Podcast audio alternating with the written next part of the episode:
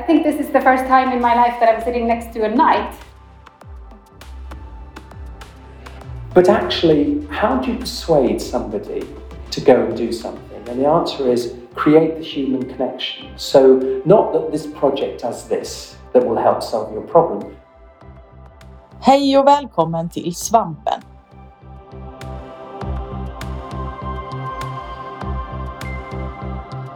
Vi är ST-rådet i Svensk förening för allmänmedicin, SVAM.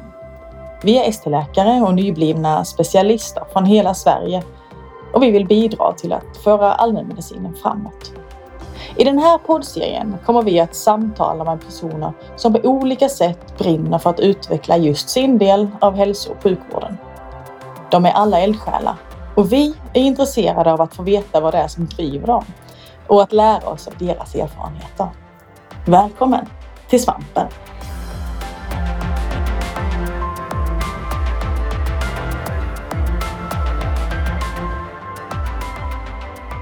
Hej och välkomna till Svampen. Jag heter Ulrika Elmroth och är allmänläkare. Och eh, idag så kommer vi ha avsnittet på engelska. Uh, today's guest is uh, Professor Sir Sam Everington. Eh, uh, you're a GP and chair of the Clinical Commissioning Group in the East End of London and one of the founders of the Bromley by Bow Health Centre. Welcome. Thank you for having me. I think this is the first time in my life that I'm sitting next to a knight. Uh, yes, and I haven't got a horse or a sword either. so disappointing. but uh, you have obviously done lots of good things to deserve that title. So tell us, uh, Sam, what's your passion? So I have three big passions. Uh, one of them is I love gemstones, uh, particularly coloured diamonds, and clearly that passion is very popular with my wife. Uh, secondly, my family. So uh, I have seven brothers and sisters. I have uh, five children. Uh, so my family is absolutely central to thing I do. They're, they're my rock and they enable me to do all the things I love doing. And the third passion is Norway. Jeg er halvnorsk. Min mor var norsk, og hun var flyvertinne. Hun er død nå, men uh, vi har en hytte oppe på fjell i Kongsberg. Det er ett og en halv time fra Oslo. Så hver år er jeg oppe på fjellet med kusiner, fetter og, og min familie. Og så svømmer vi og eh, finner vi multe og sopp og sånn. That's my third passion. Wow, what a good combination. Mm. So you're Scandinavian too. That's another good thing about you. Yes, it's, it, it's very deep inside me, even to the point where I fly a Norwegian flag in England. wow. So, initially a barrister, uh, what made you go into medicine? So, I started uh, as a welder in a ship uh, building yard on the west coast of Norway. And uh, there was a very key moment uh, in my life when a fellow student died next to me, when a crane came down on top of him. But I planned to go back to England to train as a lawyer. My father was a barrister. And, um, when I started doing law, I realized this just wasn't me. Uh, I really wanted to be a doctor. I wanted to be a doctor in the East End of London. So, in fact, I qualified as a barrister. I went back and went to school and did science uh, in one year. I had to do it very quickly. And then I went to medical school and ended up as a family doctor uh, in the East End of London, which is where I've lived all these years too. And it's, it's a very deprived part of the country. But it's also incredibly exciting. We have people from all over the world who've come to live in the East End of London. There's never a boring moment. It's tough. There's a lot of disease, a lot of illness. Uh, but it's very exciting. And as I say, I live right next to my surgery, so the patients know me and I know them. We shop together, um, we go and eat together, and I'm with them uh, through the tough moments in their life, from birth to actually helping families once their loved one has died. And uh, you are one of the founders of the, the now famous and um, awarded Bromley Bow Health Centre. Uh, what was the origin to, to that? The origin is accidental. I would love to be able to tell you there's a fantastic plan that we had from the beginning, but so much of what happens is an accident. But underneath that, I think, is a, a shared vision, which is quite simple in some ways, and, and that is very early understanding that you've had this fantastic training at medical school, uh, all scientific training, but it's just not enough to help people. Sometimes the most important thing you can do for a patient is help them get a job, or help them go to university, or help them deal with something in their environment, get better housing, or, or encourage them to get involved in music, or singing, or creating art. These things sometimes can be far more important than prescribing medicine. So, in the very early stages, when I started uh, in a shop with two outdoor toilets, we also had complementary therapists. Um, so, we knew we were slightly different. We were also slightly different because it wasn't all about doctors. In those days, general practice was just about doctors. But after two or three years, um, we employed a nurse who then became a partner of the practice. So she is a full profit sharing partner of the general practice. She earns the same as I do. And I happen now to be married to her too. um, so, so we were all slightly different. And in those early days, and this is not revolutionary now, but going back 30 years ago, the first thing we did when a patient came in was give them their notes. So they read. So it was also, we knew that actually, if we were to be successful, we had to empower patients. It wasn't being a wise doctor telling the patient what to do that was going to solve the problem. It was absolutely about how can I help you? So I have some expertise, but what is it that matters to you? Not that you're diabetic or you've got this or other disease, but actually you are you. You are Ulrika. What is it that matters to you in your life? And how can I help you become happier and healthier? And then everything just kind of happened. People just joined us, and it was all very accidental. But the other thing that's really important about the way we work is, is, um, is the idea of leadership and what, what's, what's the really important things in leadership. And it is, first of all, that you work with people who want to make a better environment. Secondly, positivity. Uh, I often describe it as the cup overflowing. Okay? Everything's got to be positive. The third thing is absolutely knowing yourself and your team. Being honest with yourself about your weaknesses, your strengths, but also knowing the weaknesses and strengths in your team. People tend, I saw in general practice, to choose other doctors who were like them that's the biggest mistake. You must get people who complement you. And you'll only do that if you understand yourself. So I have a fantastic chief exec of my health authority. I hold a half a billion pound budget to buy services for my patients in and out of hospital. And I have a fantastic chief exec who's completely different to me. But we have such a close relationship that we understand each other's strengths and weaknesses, and to the point where she knows exactly how to tell me off. And she will either lift her eyebrow or she'll use the word indeed, and then I know I've done something badly wrong.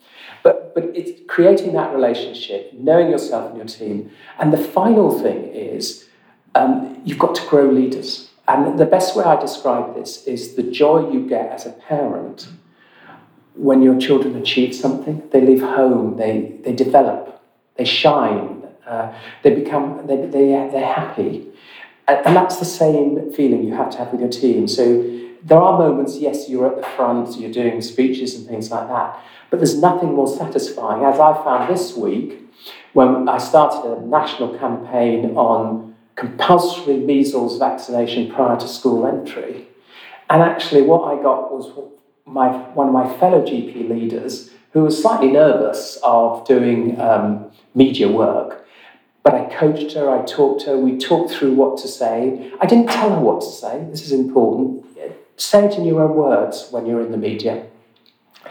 And it was so great this morning when she texted me and just It was so sweet when she said, Thank you so much for letting me do that opportunity. So it's those four things really important bettering your environment, positivity, knowing yourself and your team, and encouraging and supporting other people to be leaders so that almost anyone within our 100 projects is a leader in their own right. And, and uh, there is a lovely moment. So every twice a year we have these GP summits where we get all the local GPs and their staff together. And last year we had one in a local theatre, uh, 300 people there. Uh, we had people on the waiting list. We had uh, GPs gate crashing. In other words, they didn't have tickets, they just turned up. It's a bit like going to a party you're not invited to, but they were all welcome. But that just tells you the passion that people have, and that sense of working together within a community is really powerful. And there were two small speeches given by people. The first one was a receptionist who was about age 20 who told her about a quality improvement thing she'd led in the practice. She'd never done that before. It was just brilliant. It was inspiring. And the fact that she had been given so much support, she could talk in front of 300 GPs was just incredible. And then um, there was another GP who had transed from being a man to being a woman. And she told of the story of doing that. And I felt so proud because I've got quite a strong Muslim religious community, including some of my staff. And the fact that she felt able to do that, and, and there was hardly a dry eye in the theatre, it was just so moving. And so that describes the journey. But if you say to me, was there some grand plan? Absolutely not. Is it about me? Absolutely not. But it is about bringing together a family uh, with a common vision and doing things together, being innovative, cooperating. Very rarely do what the health service does, which is command and control. That's not how we work. And there was a lovely moment. So I'm clearly the oldest GP partner, where, where I said in one of my partnership meetings, I'm the senior partner, we should do this. And they all started laughing their heads off. That tells you a bit about the atmosphere too. There isn't a hierarchy. It's not, uh, you heard my titles today, but over 30 years, my patients know me as Sam. I've never worn a white coat or a tie, partly because I'm a scruff my, that's what my mother says. But it's really, really important that actually, when you're with patients, it's about friendship, it's about doing things together. And if I dress up as a, with a suit and tie, I'm already creating a barrier. By the way, that's exactly what I do when I go in and see government ministers. Actually, I wear my Norwegian jumpers, so no ties, no suits, Norwegian jumper, okay? And that just creates a different atmosphere immediately they, they recognize this is kind of an informal atmosphere. So there's nothing about hierarchies or. And the message is very clear to the government ministers I'm here to help you. What is it your problem? It's like being a GP, by the way, to health ministers. Mm. Um, if, if you want to get change in this country, just imagine them as a patient. And so when you go in to see them, just say, Tell me about your problems. Uh, what can I help you with? and also be positive to them. Most of the time, politicians get shot down, get told they're doing the wrong thing, get challenged. It's really important, just as it is to your family, to your members of staff, to constantly focus on the positive. You know, my emails will always start with something nice, like even if you disagree with somebody, it will be, that's really interesting, or that's a lovely idea, or thank you for doing this. It's really, really important. Mm-hmm. And I understand that many of the, the things that are special about you and uh, your healthcare system, or how to call it, uh, in the east end of London is uh, involving the community. Yeah. So community absolutely involved. So those are 100 projects. So the health centre doesn't have a sign saying it belongs to the state. it is, and you can come into it lots of ways. There's no CCTV cameras. It is yours. It's your garden, it's your home. Uh, this is your space as the community. And as a result, there's lots of projects actually run by the community. And depending on what the community want, need, decide they want to do. So the church started off by being a nursery for young children in the weekday. And that was a nursery, so people like me who could afford to pay did. So my children went through the nursery. Other people that couldn't, that was financed by the state. So uh, there's a lot of conversations going on all the time, but it's, it's absolutely the centre of the community, and it is the communities, and that's really important. So technically, part of the space is my health centre. I pay the rent on it. Technically, it's mine, but everybody else uses it and they use the space and everything like that, you would absolutely not know it's mine. And that's really important. That's about the community. But all of those activities, uh, maybe we could mention a few later, uh, they are not run by the health center, but by other um, organizations that you cooperate with, or how does it work? No, it's all, in effect, it's one organization. So legally, mm -hmm. it's two organizations. One is the general practice, the other is the charity. But it's all on the same site. We all work together. And just to give you one example of how we mix, the director of the charity, who's not a doctor, is a partner of the practice. And one of my GPs, we pay to be the deputy director of the charity. Now, underneath the charity and the general practice umbrella, there are over 100 different projects. The charity uh, pulls in millions of pounds a year from about 70 different sources. But just to give you a flavour of some of the projects, so we run a cafe. We run, so imagine a park in Stockholm. We run a park. We've got, we're commissioned by the local authority to run the park. Um, we have an internet cafe. Um, we have a potter. We have a stone sculptress. We have a lead window artist. So we have a whole raft of artists. We have a social enterprise barn. So, critical to people's health is their education, their employment, the environment, their creativity, and their traditional health services. So, this social enterprise barn has helped set up 70 different social businesses. So, they're a mix between a charity and a business. And uh, 10 of them have failed. Now, that's incredibly successful.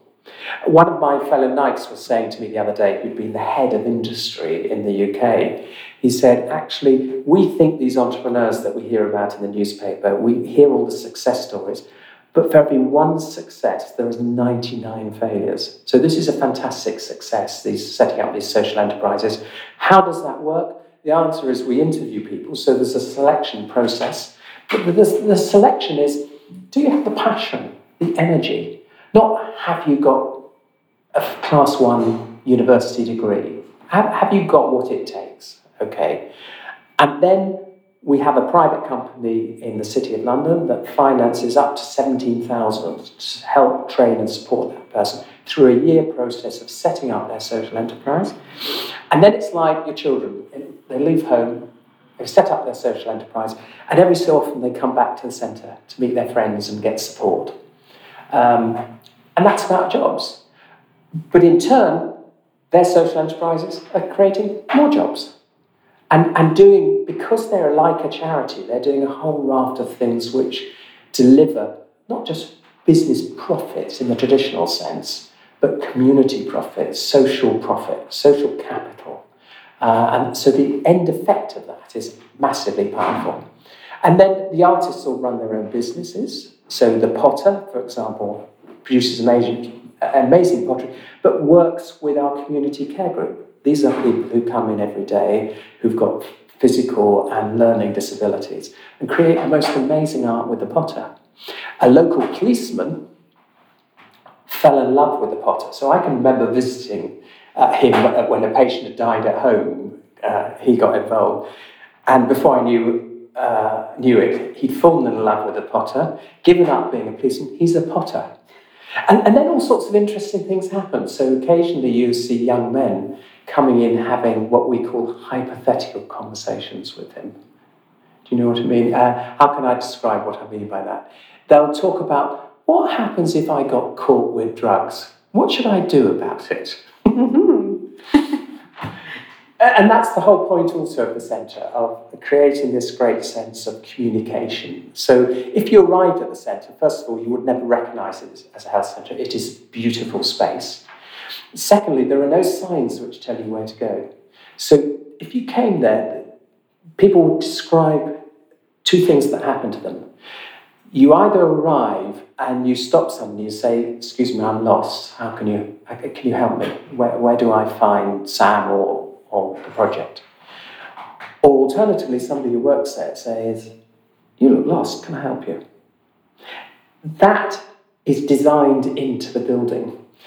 And I often teasingly say to people who run hospitals, take all the way this, away all the signs, make sure all your patients get lost in the building, because the same will happen. They'll ask, they'll say to somebody, I'm lost, can you help me? And great conversations will come out of that. And this is really important to understand because too often in buildings, they're designed with confidentiality or infection control, and the humanity is driven out of them. So if you see our reception desk at the GP surgery, a patient can walk behind, go upstairs, make a cup of coffee. I mean, when when the um, when the design, you know, some of the strict designers from the NHS first saw that, they thought, you know, but people have conversations, people talk to each other. That's far, far more important. And in reality, do we ever have any big problems around confidentiality being breached? The answer is no. Uh, I looked at your website, and uh, the health center was very, I mean, that was just a small part of all the activities that you can choose from. Uh, there were everything from physical activity groups to, yeah, to pottery, to gardening, to uh, English conversation, to uh, employment and skills advice, coffee afternoon, jewelry making, mm-hmm. so many different activities. Um, and I suppose there's a thought behind that. So the answer is this is all about delivering health services. This is all about being a GP. And I can prescribe all these things. So when I came out of medical school, yeah, I knew how to prescribe drugs and naproxen. I knew how to refer to an orthopedic surgeon. But now I can prescribe gardening activity. If you are inactive, you will lose 10 years of your life. We know in diabetes what is more important, type 2 diabetes, what is more important, your weight, your exercise, your lifestyle, or the drugs? And the answer is actually we're even curing people of their type 2 diabetes by focusing on their activity. So it's fantastic for me. Uh, suddenly, I've not just got the prescription pad, I've got all these other opportunities. It's just brilliant. And we don't expect the GPs to know all this. We don't expect them to have to do all this. They've got enough work to do. So that actually, in a 10 minute consultation, which is still typical in England, all they need to do is have this light bulb moment where they think, ah, maybe I won't refer this patient with a bad knee to an orthopedic surgeon. Maybe I won't prescribe naproxen. Maybe the real issue is their house is cold and they're living alone and their family not there and they're lonely. And that's the thing. That's the, that's the bit of the painful knee that needs to be sorted. Uh, and that's really important. Now, all they then need to do is there is a form on their computer, it's populated with all the information about the patient, and literally 20 seconds, tick a box, which might be I've got money worries, I haven't got a job, I'm lonely, I'm anxious, um, I'm overweight, I'm not active. And then the box, which summarizes and brings all the doctors on board and says, This is for me, repeat attender. If you talk to any GP, they will automatically bring up the picture in their mind of that person that comes time and time again uh, and is a worry, is a stress to them as a GP. Suddenly we've got a solution. And by the way, we've got clear research now shows reduction in attendance of this group of, patient, of patients actually to the GP once you start doing this. Also, that means I don't have to remember all those opportunities. I genuinely cannot remember everything the centre does. I walk in one day and I suddenly think we're doing something else, and that's, that's how it is. I can't remember the 1,500 charity, the voluntary organisations in Tower Hamlets that I could refer patients to I don't need to. Once you start in the consultation moving away from you're diabetic, you're an epileptic, to what matters to you, once you start then referring to the social prescriber, quite often the patient will end up doing something that you had no idea about or didn't even think they should go to. But actually, they will then spend an hour with a social prescriber, and the conversation over a cup of coffee uh, or on the phone, whatever people are comfortable with, will be um, about what's important to them. And also, it's that soft information. So, scientifically, we're taught about diagnosis. Do you know what I mean? And uh, there's a set way of doing things, there's a set treatment. Um, but actually, how do you persuade somebody to go and do something? And the answer is create the human connection. So, not that this project does this that will help solve your problem, but actually, by the way, I think you'll really like this project because you will meet Jane, and guess what? She loves baking cakes too. So, this is the perfect person for you. So that people get defined by their common interest rather than actually the fact they're diabetic. Um, and this is really powerful. And of course, it's massively helpful to the. So the GPs love it because suddenly they've got a whole raft of a far bigger team, hundreds of people who can help them. Okay. Um, the patients absolutely love it because it focuses on what's important to them. Uh, the social prescribers really love it, and I'll come back to what a social prescriber is. Um, the voluntary sector love it because they don't need to go and tell everybody now. They just need to talk to the social prescriber and say, ah, we've got a new project. And I, buying health services, I'm a tough financier. I love it because this saves me money. Because actually, when somebody ends up doing something like this, they're investing their own time, their own energy, their money, their resources, the community in helping them support their healthcare. That saves the health service money. So, so it's a win-win to everybody. Now, the other thing that's really important to understand is so what is a social prescriber? A social prescriber is a fixer.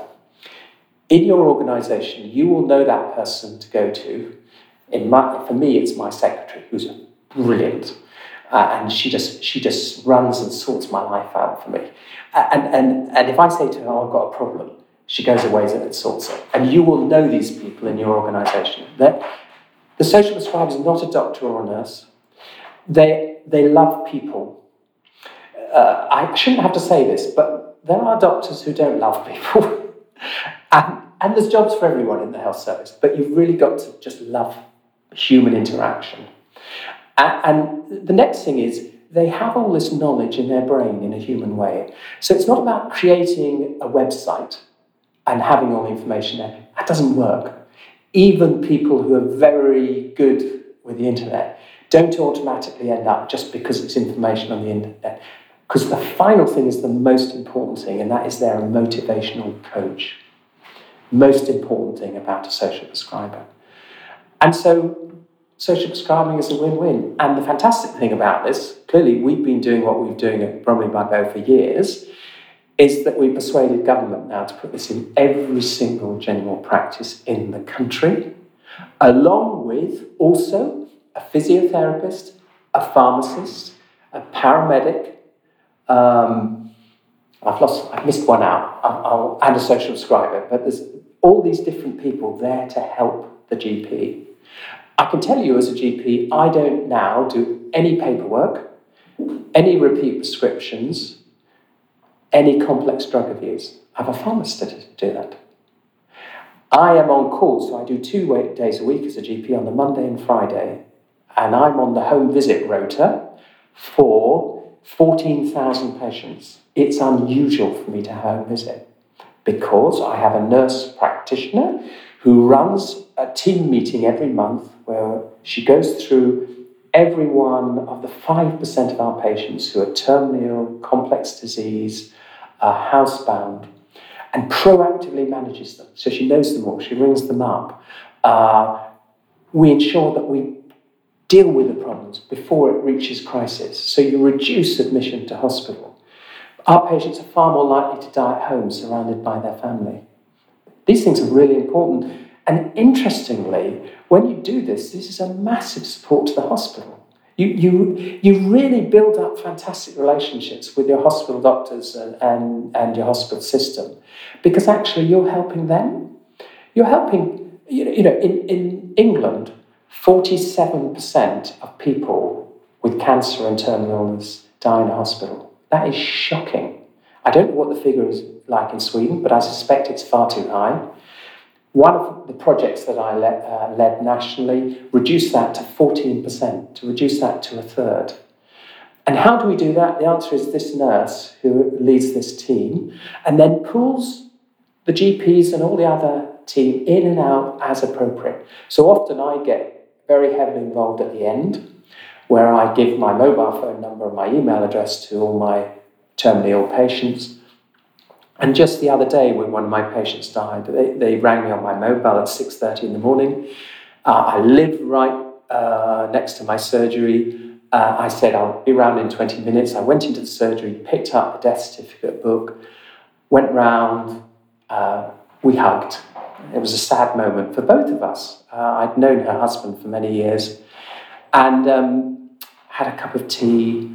Uh, we did the death certificate together. Um, I then uh, took the catheter out of the patient and took the syringe driver off, so prepared them. And, um, and then we ran the district nurses to tell them that he died, so nobody you know, turned up in surprise. And then she said to me, um, I don't want him to go because we talked about an undertaker. I, am not ready to let him leave the house.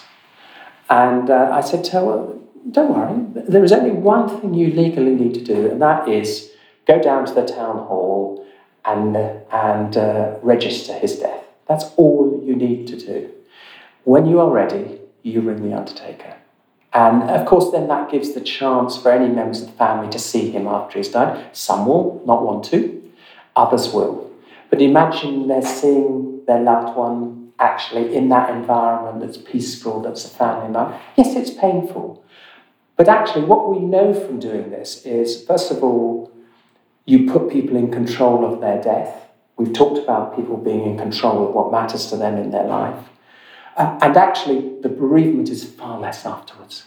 It doesn't mean you're not desperately sad when your loved ones die. But if you know, so quite often I will sit, uh, and I sat with her and I said this, and I said, by the way, your, you gave your husband the greatest gift you can give in life, which was a good death. And then quite often I'll say, what would they say to you now? Because, by the way, if you love somebody, you feel guilty.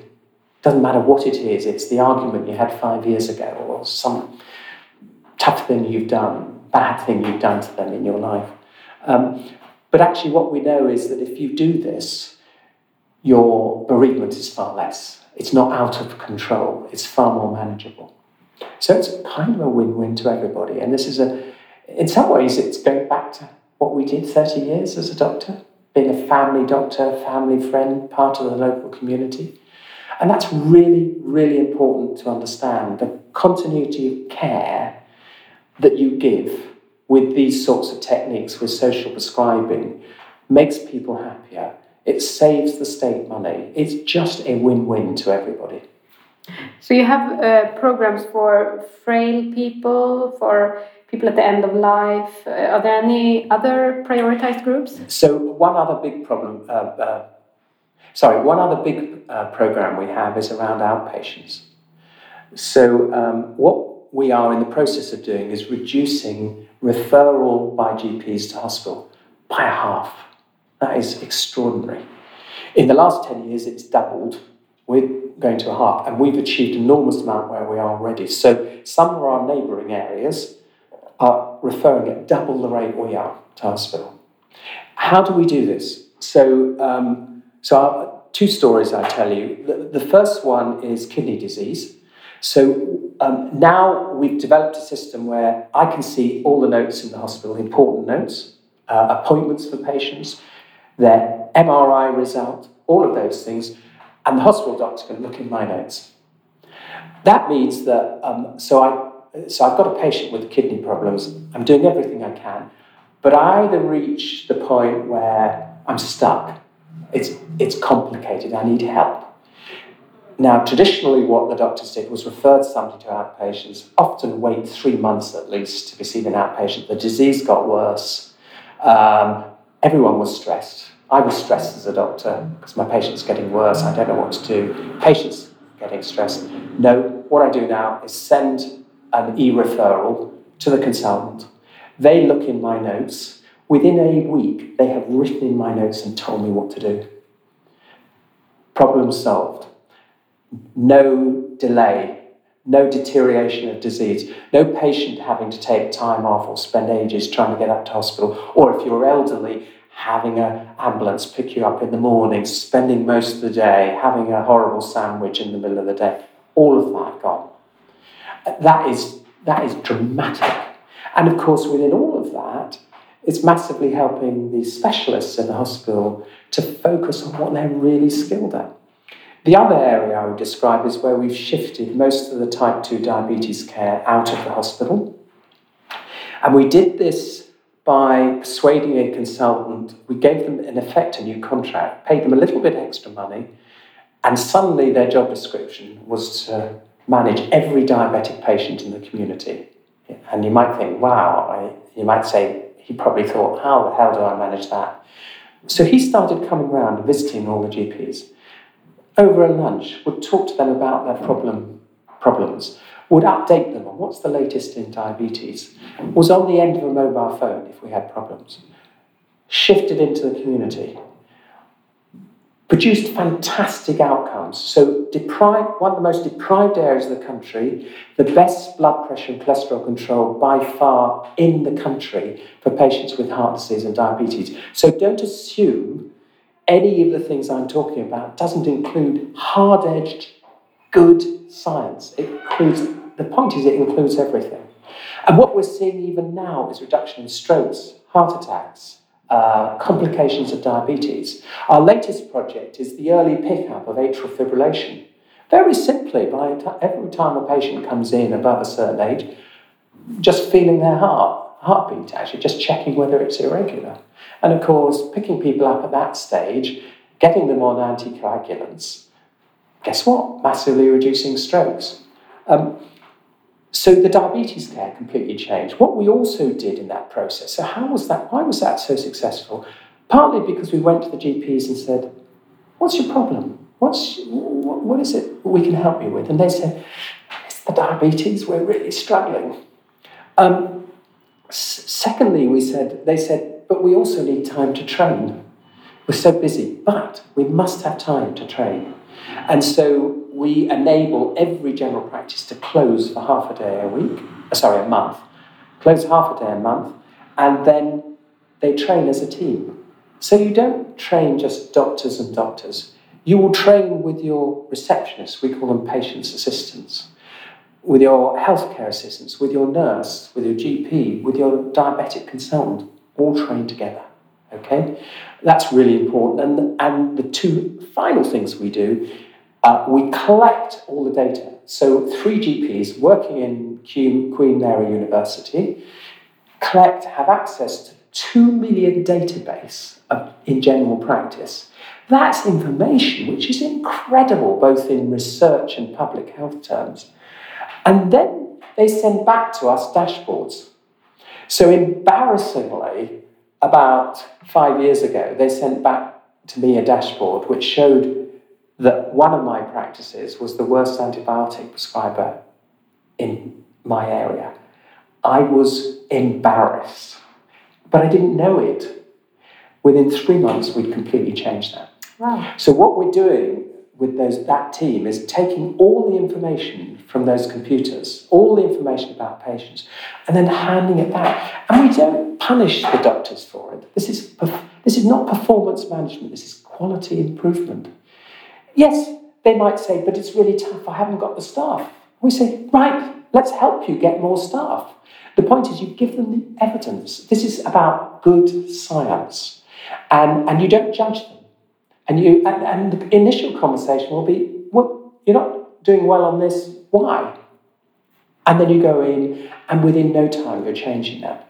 And, and that's why what, what we're seeing is those best outcomes in the country. This is the way you do it, which is about engaging people, giving them the evidence, working with them, and it's, it's a developmental quality improvement approach.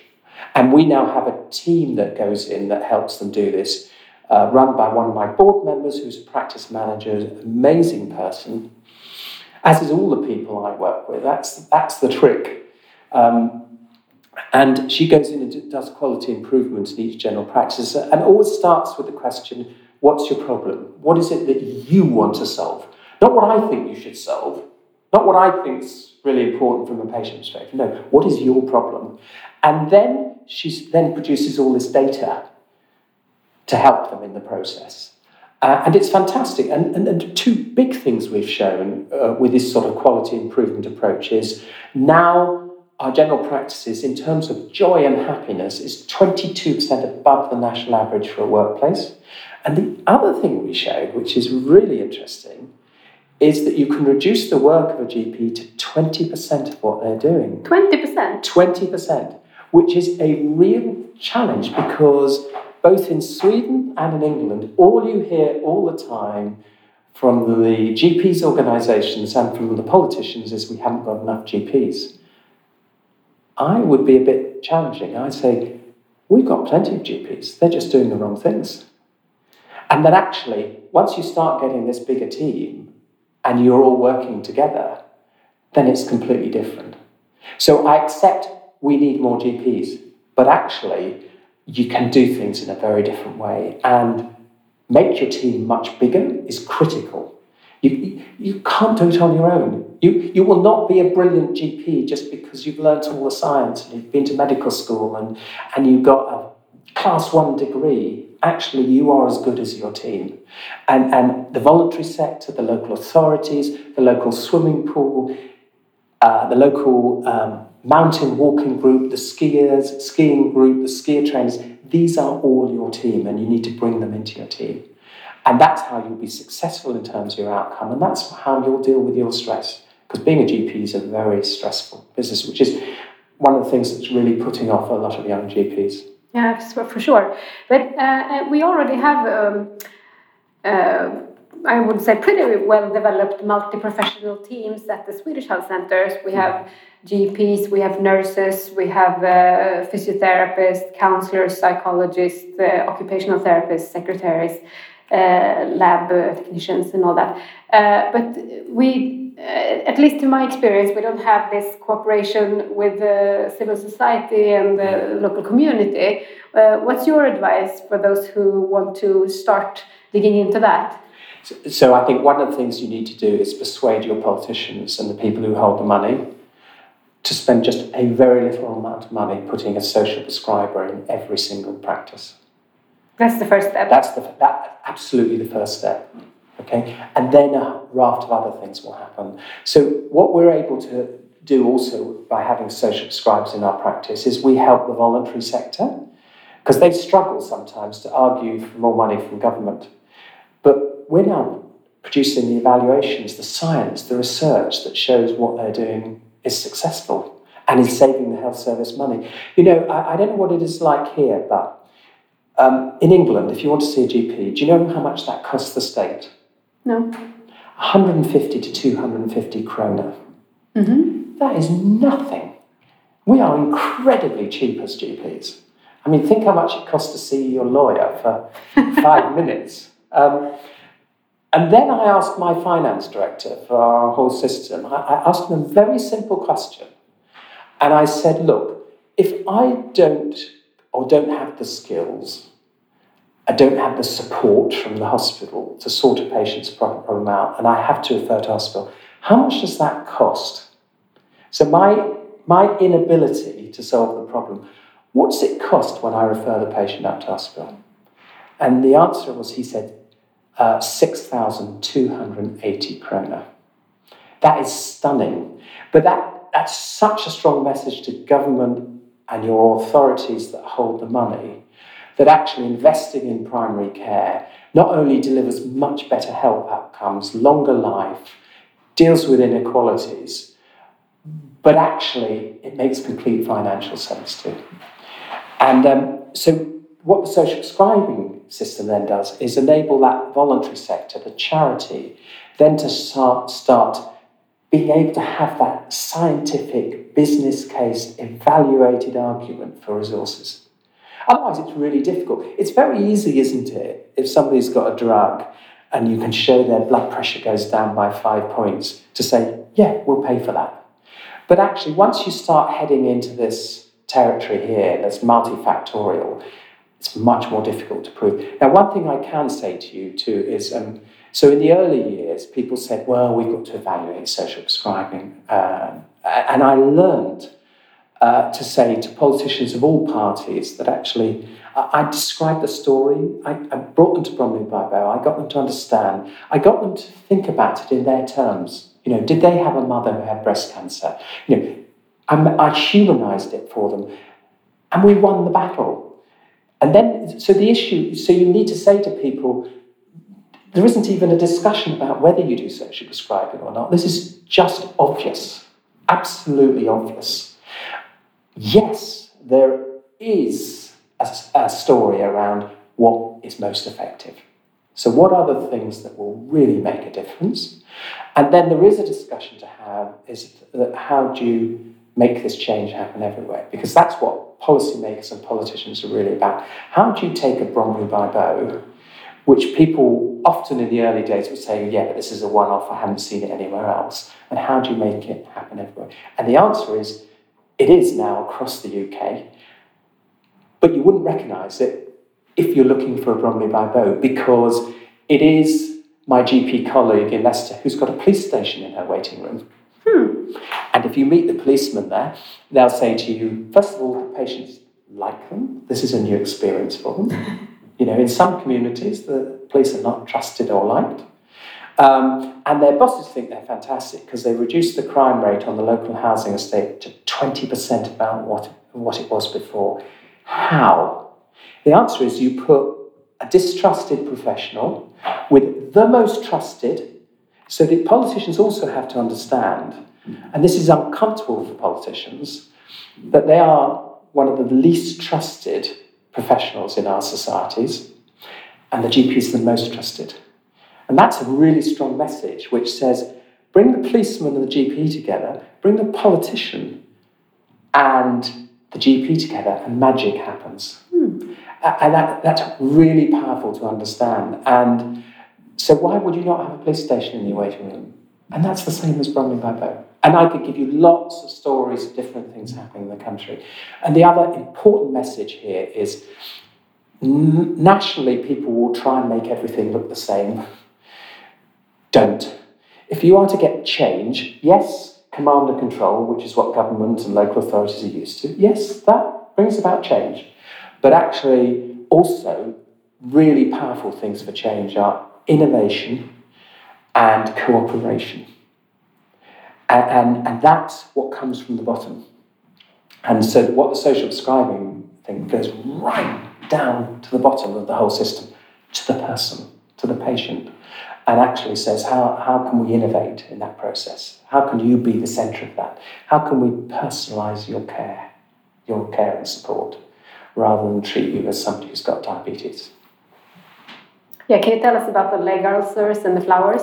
Yeah, so so we don't have this clinic anymore. I need to tell people that because I don't want them to come to Bromley by Bow and ask to see the leg ulcer and flower arranging clinic. But this was a nurse who came to us and said, uh, We've got a lot of, particularly women, with leg ulcers. Um, they are overweight, they are becoming housebound, immobile, they've got smelly wounds, and they're losing their self respect. And so she said to us, I want to set up a leg ulcer and flower arranging clinic. And we said, Yes. And, and this is really important about how you work uh, in, in our system. Just say yes. When somebody says to you in the system, oh, we've got to evaluate it, or um, give me a business case, these things sound very sensible, but so often they're a way of saying no, or it has to go to a committee for a discussion. No. These are all ways of saying no. We just say yes. Trust people who want to do something different and innovative. And um, so what she did was brought all these people, mainly women, in to the centre. They produced beautiful flower arrangements. They were surrounded by beautiful smells rather than a smelly wound. Um, brilliant dressings. Brilliant science going on here too. Uh, and suddenly, guess what? The leg ulcers go. So we don't have a leg ulcer and flower arranging clinic anymore because we don't need one. and, and also, then, some of these nurses then set up a social enterprise. So, this is a charity thing. Uh, amazing people. And um, they've absolutely transformed leg treatment, you know, swollen lymphedema, leg ulcers throughout our area. Very simple. They, wherever you turn up in the system, in, in any general practice, you will have the same dressings from the same companies. So they buy the stocks. They save me as a commissioner 600,000 a year. That is extraordinary. And they're dealing with the ulcers. And they're training even people like me as a GP to dress a leg ulcer, which I do occasionally if a nurse is not around. I'm not as good at doing it, but I'm better than nobody. But the point is, you standardize the treatments, and guess what? You get much better outcomes because it's all evidence based at the end of the day. And uh, the lovely moment was when the leader of this team, we got the Queen to give her an award, and that was very special. Wow. Yeah. Mm-hmm. And uh, another group that can be uh, taking up a lot of time can be parents who have small children and are worried about different issues. Uh, I know you have done something to address that too. So we have a, a project called DIY Health, Do It Yourself Health. And so what we worked out was there was a lot of uh, young mums and dads, often with their first child, when you're particularly nervous, and um, turning up repeatedly to surgery with minor self limiting illness. And um, so we uh, started this project where we bring them all in in a group and it's kind of group discussion and learning. And what we showed, in fact, we won a national award for it. We showed we reduced the attendance of these mums and dads because we built up their confidence in managing uh, a lot of health situations. We reduced their attendance at the GP and at the hospital by 35%. That's extraordinary. Another project done locally in our local hospital, a social prescribing project, was around knife crime. So, knife crime is a major problem in the UK. And um, we reduced, this won a national award too, uh, we reduced the reattendance of somebody with a knife crime. Because don't forget, people who knife or are knifed are often part of the same group, cohort, in gangs, young groups. Um, we reduced their reattendance in casualty with wounds from 35% to 1%. That's quite extraordinary. Now, how did we do this? Traditionally, what would have been done in countries, we've said, we've got to lock them up. We've got to stop and search all these young people everywhere. So it's a criminal justice problem. No, we said actually it's society that's got to solve this problem. We've all got, we're all in this together. And actually, very simply, what happens is a social prescribing approach. So, somebody, uh, one of the team will meet, not the team from Bromley by Bow, but the team in casualty will talk to these people, will follow them up for up to six months, and just start, work out and ask a simple question what matters to them? What, is the underlying fundamental issue? Is it that you're stuck in a gang and having difficulty getting out?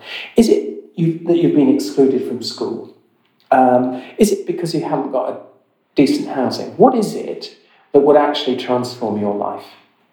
Uh, and that is the social prescribing approach. And so, what you see from all of this, uh, I, I call it the spread of infection. Okay? It's just infecting actually the whole system, particularly primary care. And, and um, it's having an amazing effect. And as I say, it's joyous to doctors, it's joyous to patients, it's joyous to the voluntary sector, and it's very joyous to politicians and those hard nosed accountants who have to manage the money. Yeah, for sure. uh, speaking about joy at work, uh, it would be. I mean, I guess I guess that this could improve uh, the willingness to stay at your uh, clinics. Uh, what what is your? Have you seen any results on your turnover rate of GPs or Yeah. trainees, for example? So, um, uh, so we have never really. I mean, don't get me wrong. There is a shortage of GPs, and we all have difficulties with that. But actually, I can't remember a time where we. I mean, don't get me wrong. Every time somebody leaves, do you know what I mean? Your heart sinks. Do you know what I mean? Uh, but I can never remember a time where there's really been a difficulty recruiting or, or keeping somebody in the most difficult area of the country. Yeah. Because actually, in the early years, I said uh, I, the, my pitch to them was, "Come and work. It's incredibly hard work. There's tons of disease here. The schools are not good. The housing is horrible. So how did I persuade people?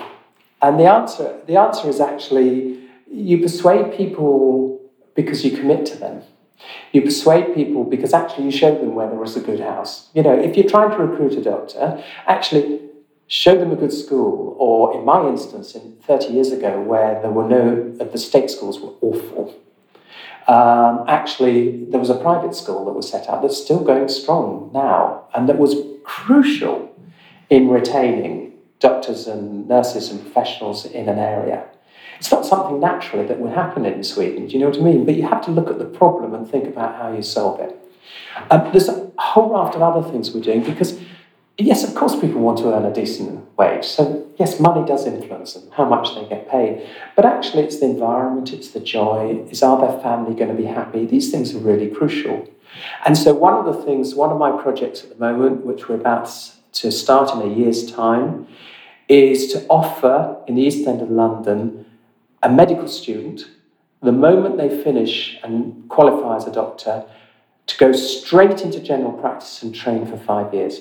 No hospital jobs, no moving every four to six months, no just doing lots of administration, no working day and night shifts, no, no continuity of care or no continuity of teaching. No, come and join our family for five years. Um, you won't need to move house. This will be good for your family. This will be good for your children. Okay. Um, and quite frankly, I can't promise them a job after five years, but I'm pretty certain that there will be a job there natural aging and retirement and everything like that. And that's just so obvious. Yes, of course, um, half a day a week, you'll sit down with them and you'll say, So, what are your weaknesses? What is it you, you're nervous about? Do you need to go and sit in on an ear, nose, and throat clinic? Um, you know, so you personalize it to them. And that's not just that's not about knowledge. That's how we taught in the old days. But actually, what's really crucial is uh, what are they not confident in? That's the most important thing. Um, so, personalized approach. Now, so I would say to people, uh, so I published some research a few years ago which looked at what are the key features of recruiting and retaining someone. Now, I think this is particularly relevant for Sweden as it is in Norway because I think both countries have a major problem in recruiting people to rural areas and remote areas. Um, what is the most important thing? First of all, where you were born and brought up and where you were educated. So there is a question for medical schools to preferentially take students from these areas. Okay?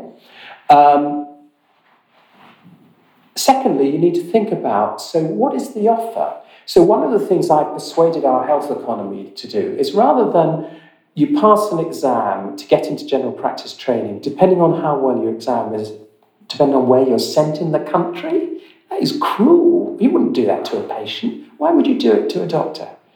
Um, what we are going to make a commitment to do is to grow our own. So actually, you're born, brought up, you train in this area, we'll support you through all your training, and we'll support your wife, husband, or partner. Because quite a lot of doctors will marry doctors and nurses. And that's our commitment. So, therefore, if you think of these really remote areas, what do they need to do? They need to have a very tough conversation with the medical school and say, you need to take people from our area. You need straight away when they fill in medical school. Look, if you are in medical school and you then uh, have a partner and you have children, what's your key focus going to be? Not that you want to be a GP, not that you want to be a specialist, you're going to be thinking of your family. How, how, how, how can I most uh, settle my family? How can I ensure they're happy and my partner's happy? Imagine then if that area says, We'll give you housing, we'll commit to you for five years.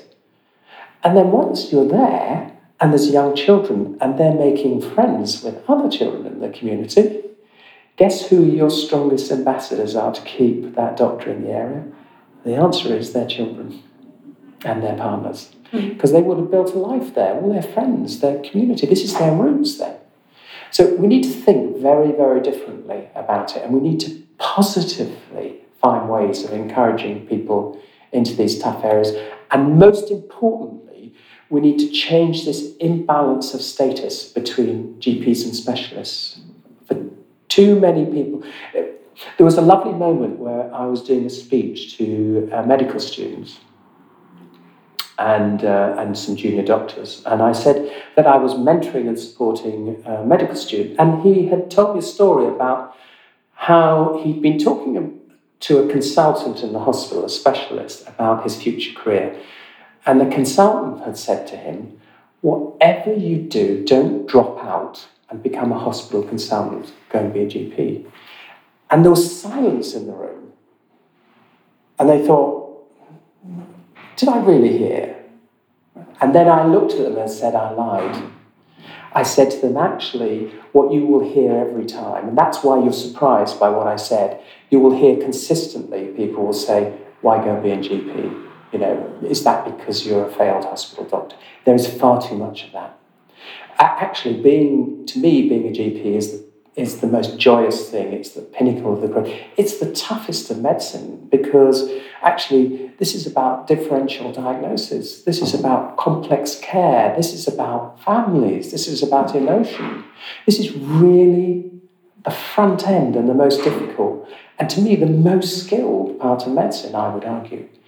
Uh, but, but everyone's skilled in medicine, but the important thing is to get the equality. So I'm a professor of general practice about half of doctors will end up as GPs. And yet, in England, only 5.6% of the professors are GPs. Hmm. It's even worse in Sweden. Yes. So wherever you go, there's inequality. And if it was the inequality in Sweden, if I was to say that only 5.6% of the professors are women, God, there would be a storm, there'd be an outrage. The politicians would be up in arms saying, but do it.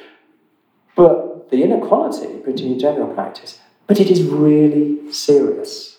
And, and so, and, and it's really interesting because a lot of the GPs then, when I suggest this five-year training, really, and the national GP leader said, oh, I'm not sure about that, you know, they need some training in hospitals. I said, what are you saying?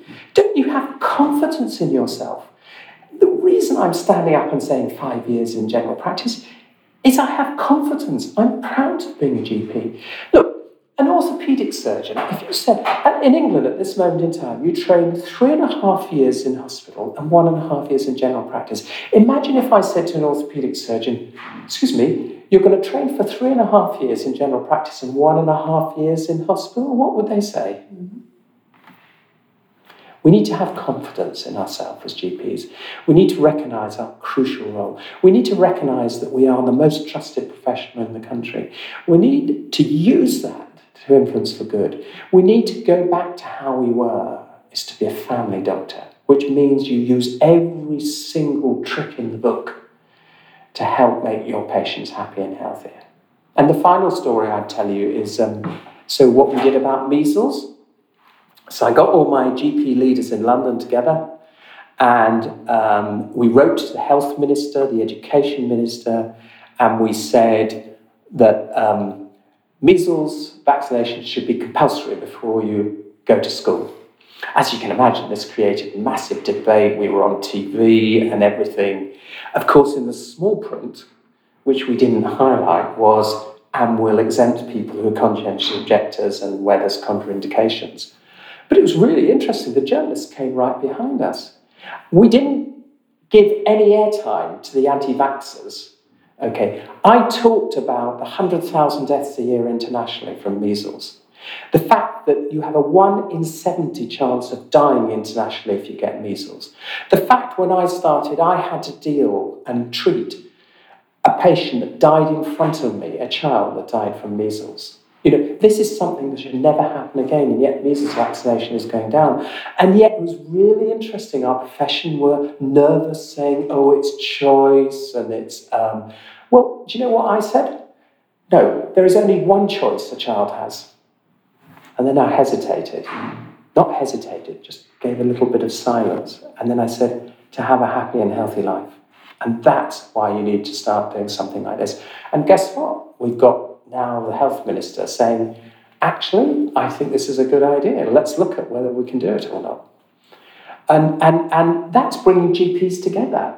And of course, the GPs now, my GP leaders are really excited because they've shown what they can do when they get together and the power politically and, and if you take up the social prescribing, if you take up these campaigns which are about the health of your community, um, this is massively powerful, massively influential. And the politicians not only will listen to you, have to listen to you. Because this goes to the core of actually what every politician's job is really about, and that is a happy and healthy society. Very good advice for those of us who want to uh, spread the word about the, the influence of GPs. Um, for those who want to read more about, uh, for example, uh, Bromley by Bow Health Center or other works that you have done, uh, what are the, do you have a website or? Yeah, so you can go on the Bromley by Bow website and you can learn a lot, but Google it too. So one of the things we haven't done over the years is do a lot of writing on it. And we do that on purpose because um, we have now people, we run regular seminars, teaching sessions, uh, the charity runs it, and, um, and we have people coming from all over the world now. 23 countries from the world last year. We had the uh, Minister of Health from Thailand come, Public Health in Thailand, just as an example, the Austrian Health Ministry. Because what we learned in the very early days is you can read but not understand something when, when I send you an email, I'm making the assumption that I'm communicating to you, but I'm often not because I, I'm not seeing your reaction. You're not having the opportunity to ask questions. And also, there's something about the, the founder of this centre, who's the, the, the priest, uh, is now in Parliament. He's the house, in the House of Lords. He's Lord Mawson. Um, he put it in a very clear wording. If you are always used to, all you drink is cheap wine, or we call it Blue Nun in England, and you've never tasted the best champagne, how would you know any different? And, and so actually, we say, come and taste what we're doing. And it's really important. And ask questions, challenge us, take us on. I, I don't mind. I don't mind somebody who says, I disagree with you completely. Yeah, absolutely perfect. Uh, come and challenge us, taste it. But also, most importantly, I say to them, don't do what we're doing. But actually, there might be some lessons here, and we can tell you the mistakes we've made and where we've gone wrong. Actually, the most important thing is to spend your day thinking, so what do we do? What, what am I passionate about? What, what, what's the change I want to do? And that's what we in turn will help you about. So it's really important to come and taste it. And but if you just do a search on Google, read the news stories and you'll hear all these different stories. And yes, one of these days we'll put it together in a book. Uh, the only other book I would recommend you read, which does tell the Bromley by Bow story in one of the chapters, which has gone international, is a book by an author called Johann Hari, who's a well known journalist in England, and it's called Connections, and it's about treating depression. Hmm. And um, it's, it's really, I, when I was interviewed by him, a bit like this. I spent about half a day with him, and then he wrote a whole chapter basically on my interview. I didn't think anything of it, I forgot about it. And then, then I went to his book launch, didn't really think much more. it's just gone across the world. People like Hillary Clinton now are writing references for the book. Elton John. It's just extraordinary because what he did is create a revolution in the treatment of depression. So, traditionally, and this is a big problem, you come and see a psychiatrist or a GP, they'll give you an antidepressant.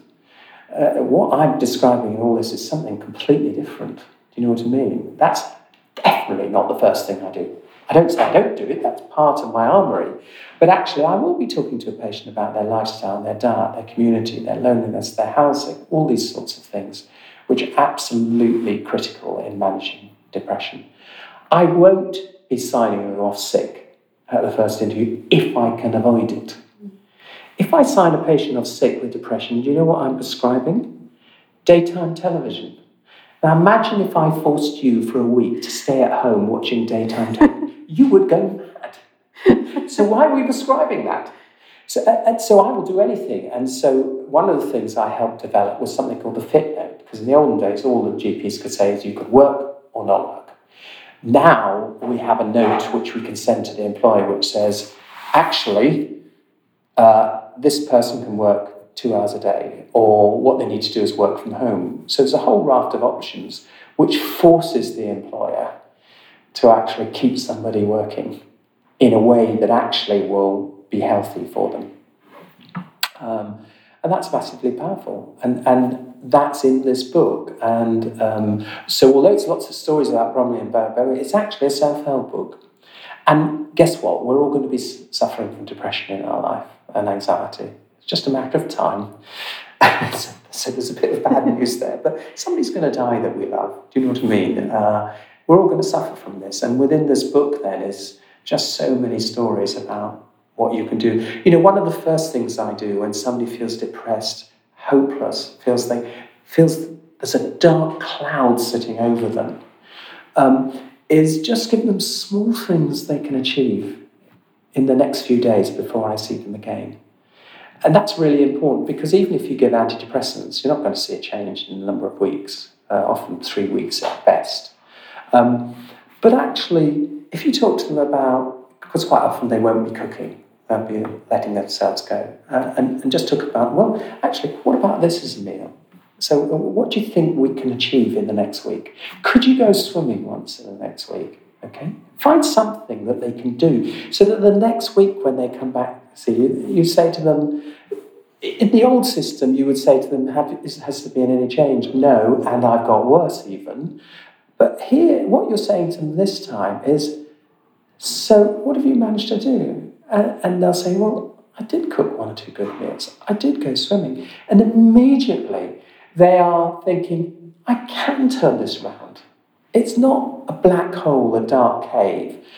I can see just a bit of light at the end of the tunnel. And so definitely read that book. But um, most of all, just, just Google, Google social prescribing and um, Google um, uh, the Bromley by Bow Centre and just look at all the news articles and, and the YouTube videos and all of that and see what captures you. And then you will have a Swedish invasion. Yes. well, you're doing, but you've got lots. That's the other thing I'd say to you. Don't assume we've got all the answers. My mm. God, you have got some amazing answers in Sweden. So, coming from Norway myself, 40% of Norwegians have second homes in the mountain or by the sea. This is powerful medicine. This is incredible. It's one of the reasons I don't know where you are on the happiness scale. I know there's lots of competition in, in Scandinavia. Norway used to be first. We lost it. The Finns have won it the last two years. But you are right up there. I, I know you, you have worries about suicide rate and things like that, but you are a happy nation and you have magic here. And one of your magics is your sense of family and the way you go together as uh, families up into the mountains and, and reconnect with nature.